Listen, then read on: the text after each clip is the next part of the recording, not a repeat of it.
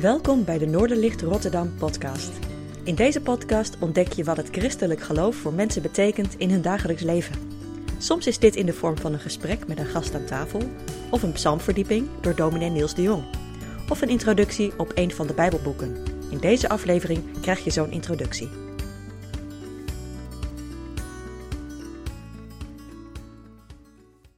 Het Bijbelboek Numeri behoort zeker niet tot de meest toegankelijke Bijbelboeken. En de vele opsommingen in het boek maken het ook al niet makkelijker. Numeri is ergens ook geen vrolijk boek. Er zijn nogal wat conflicten, er is veel geklaag en gemopper en er is het nodige geweld. Bovendien is het ook niet zo duidelijk wat nu de bedoeling, boodschap is van die schijnbaar willekeurig door elkaar gegooide opsommingen, voorschriften en verhalen. En toch, als je hierin verdiept, biedt dit Bijbelboek je de nodige lessen over het bereiken van vrijheid. Want daar gaat dit boek over. De reis naar vrijheid en wat daarvoor overwonnen moet worden om die te bereiken. Eerst maar even wat informatieve opmerkingen over dit Bijbelboek. Het Bijbelboek Numeri is het vierde Bijbelboek uit de Bijbel. Een van de vijf boeken die het Jodendom de Torah noemt. En Torah kun je vertalen met richtinggevende woorden. Dat is ook wat Numeri wil bieden. Richting vanuit God voor het gewone leven. Nummerie komt van nummers, tellingen. En dat past bij de diverse hoofdstukken die veel cijfers en opsommingen bevatten. De Joodse titel is In de woestijn.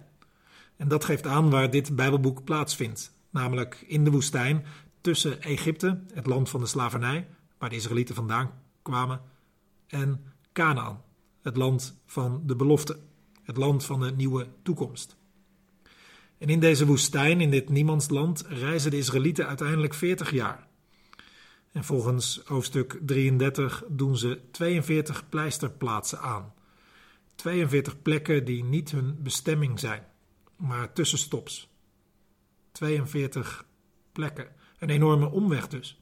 Want ze hadden in een paar weken van Egypte naar Canaan kunnen komen. Maar ze doen er dus 40 jaar over. Dit alleen al geeft aan dat die reis naar de vrijheid lang is. Moeilijk ook. Je bereikt het niet zomaar. De Israëlieten, net bevrijd uit Egypte, aan het begin van Numeri, waren niet klaar voor die vrijheid. En voor de verantwoordelijkheid die ervoor nodig was, voor de strijd die het zou gaan kosten om in dat nieuwe land een duurzame samenleving op te bouwen. Deze Israëlieten hadden een slavernijmentaliteit opgebouwd door al die jaren dat ze hulpeloos en machteloos waren gehouden. En het lukte hen niet om de verantwoordelijkheid op te pakken die vrijheid vraagt. En ze klagen, mopperen en verlangen terug naar hoe het was. Ze vertrouwen God niet. En het loopt dan helemaal mis in nummerie 13 en 14. Een kernverhaal in nummerie en eigenlijk ook in het geheel van de Bijbel een kernverhaal. Mozes stuurt daar er op Gods bevel twaalf verkenners op uit om Canaan te bekijken. Na veertig dagen komen ze terug. Ze zijn het eens over de feiten, die twaalf. Het is een prachtig land, vruchtbaar ook. En wel de nodige versterkte steden. Ze trekken echter niet allemaal dezelfde conclusie. Tien zeggen niet te doen om daar naar binnen te trekken. Veel te gevaarlijk. Twee zeggen, met Gods hulp kunnen we het allemaal makkelijk aan. Het volk laat zich besmetten door de angst van de tien en weigert dienst. God besluit daarop volgend dat deze generatie dan het beloofde land niet zal binnentrekken, met uitzondering van die twee verkenners, Jozua en Caleb. Alle andere mensen boven de twintig jaar zullen het beloofde land niet bereiken. Een periode van veertig jaar zullen die Israëlieten dan door de woestijn zwerven tot de nieuwe generatie is opgegroeid. En deze generatie, geboren in vrijheid en gehard in de woestijn, zij zullen het beloofde land bereiken. Zij zullen de verantwoordelijkheid en de zelfstandigheid aankunnen die bij die nieuwe vrijheid past. Numeri beschrijft dus de 40 jaar tussen Egypte en Canaan. Waar het boek Exodus vooral beschrijft hoe ze loskomen van de slavernij in Egypte, daar gaat Numeri over de reis naar het beloofde land toe. En in het boek Jozua gaat het volk Israël dan het beloofde land binnen. Numeri beschrijft dus die tussenperiode, die overgangsperiode. En nummerie begint dan met een bepaalde orde neerleggen. Het volk wordt georganiseerd, er volgen nog wat aanvullende voorschriften en dan moet het volk Israël op pad. Daar gaan de hoofdstukken 1 tot en met 10 over. Maar in het grote middendeel van Numeri, hoofdstuk 11 tot en met 25, negeren de Israëlieten de goede orde van God die in de eerste hoofdstukken was neergelegd. En ze vervallen daardoor in chaos, ellende. En in dat grote middendeel leren we als lezers vooral lessen over hoe het niet moet. In het slotdeel van hoofdstuk 26 tot en met het eind lezen we dan hoe het wel moet. Want dan worden de moeilijkheden goed opgelost, er komt orde, het geklaag verstomt eindelijk, mensen nemen hun verantwoordelijkheid en men lijkt eindelijk klaar voor de vrijheid. Dat was dus in het middendeel wel anders. De Israëlieten klagen wat af en bij tegenslagen beginnen ze gelijk weer terug te verlangen naar Egypte. Blijkbaar vinden ze de veiligheid en duidelijkheid van de slavernij te verkiezen boven dit onzekere pad naar de vrijheid. Hun angsten en onvrede projecteren ze ook voortdurend op het leiderschap van Mozes. En Mozes weet het ook geregeld niet meer.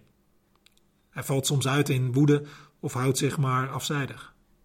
En hij heeft ook zo duidelijk zijn zwakke momenten.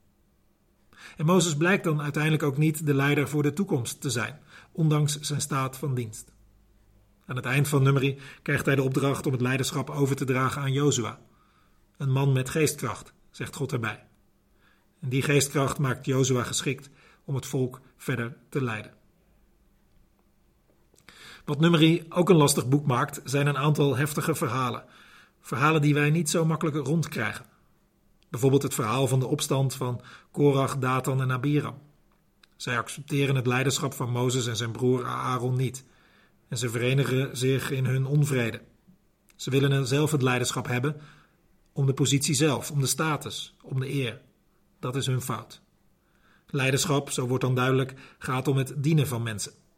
Iets dat deze opstandelingen niet hadden begrepen. En tot zover kunnen we dat verhaal wel volgen, maar het eindigt in onze ogen nogal bruut.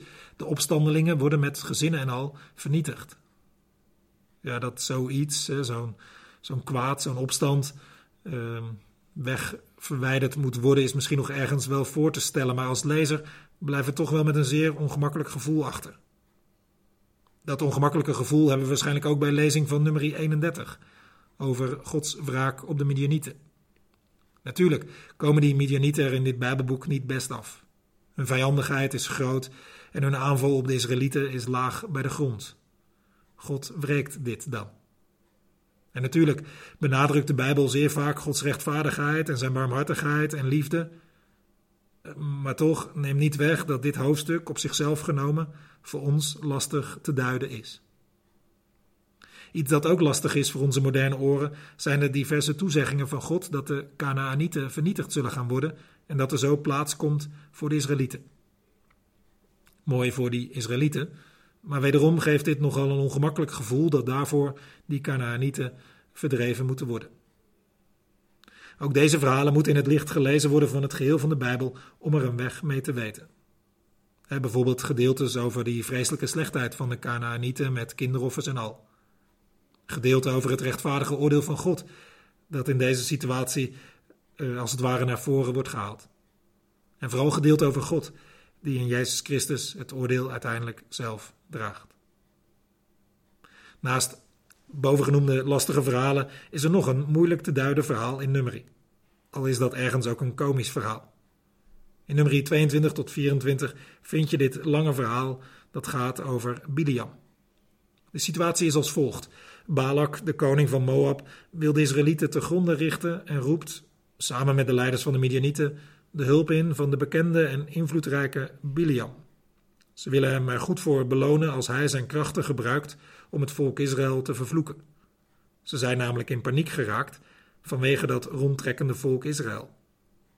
In de vorige eeuw is er trouwens een inscriptie gevonden over deze Biliam, wat zijn bekendheid en status in die tijd bevestigt. Biliam kan echter niet leveren wat Balak wil. Maar als ze dan nog een poging doen om Biliam in te schakelen, gaat hij toch mee met deze Balak. Maar Biliam kan uiteindelijk niet anders dan het volk zegenen. Tot grote ergernis van koning Balak. Het verhaal zegt daarmee: wij mensen kunnen God niet naar onze hand zetten via manipulatie of iets dergelijks. Het komische in het verhaal zit erin dat de grote ziener Biliam uiteindelijk blind blijkt voor God En zijn ezel zelfs nog meer geestelijk inzicht blijkt te hebben. Als laatste nog een opvallende tekst uit Numeri. Woorden die tot op de dag van vandaag in zowel het Jodendom als in het christendom op allerlei plekken, op allerlei momenten en in veel samenkomsten worden herhaald. Het zijn de zegenwoorden uit Numeri 6. Die zegen spreekt over bescherming, licht, genade en vrede. En die woorden moeten de priesters dagelijks over de Israëlieten uitspreken. Deze priesters, kanalen van Gods zegen, mogen deze woorden dan steeds weer over die Israëlieten uitzeggen. Des te bijzonderder als je bedenkt hoe die mensen in nummerie voortdurend falen, klagen, verkeerd zitten en fouten maken. En toch wil God dat steeds weer zijn goede woorden over deze mensen worden uitgesproken. Want dit, genade, bescherming, licht, vrede, dat is wat God zijn mensen wil geven. Een opmerkelijk boek dus, dat nummerie. Veelzijdig, maar soms ook verwarrend. En saaie stukken worden afgewisseld met intrigerende verhalen. Maar uiteindelijk is het relevant voor ons mensen van vandaag. Want wij zoeken ook vrijheid, willen ook vrij zijn. Maar moeten misschien ook leren dat het een lange weg is om die vrijheid te bereiken. En nummerie kan ons dan helpen op die weg naar de vrijheid toe. Want nummerie maakt je duidelijk dat jij wel uit de slavernij kan zijn, maar het slavernijdenken dan niet gelijk uit jou is. En nummerie doet je nadenken over obstakels en moeilijkheden op die lange weg en hoe daarmee om te gaan. Nummerie wijst je op mogelijke verleidingen op die weg. En dat helpt dan weer om niet zo snel in verleidingen te trappen. En nummerie helpt je om met teleurstellingen op die weg naar de vrijheid om te gaan. Om geduld en hoop te houden. Ook confronteert dit Bijbelboekje met donkere kanten in jezelf. Bijvoorbeeld met je zucht naar status of gemak. Maar natuurlijk wijst dit Bijbelboek eerst en vooral ook weer op God. Voor wie ieder mens stelt, die een goede orde geeft, waar iedereen tot zijn of haar recht komt en die ondanks alles mensen wil zegenen. En daarom, het kost misschien de nodige moeite om je door nummerie heen te lezen, maar het is de moeite waard. Wat fijn dat je luisterde naar de Noorderlicht Rotterdam podcast. We hopen dat je er iets aan had deze keer. Je kunt alle afleveringen beluisteren via Spotify, Anchor, Google Podcasts, Apple Podcasts en natuurlijk op noorderlichtrotterdam.nl/slash podcast. Heb je een verzoek voor een onderwerp of heb je een suggestie voor een gast in de podcast? Stuur dan een mailtje naar podcastapenstaartje noorderlichtrotterdam.nl. Tot de volgende keer.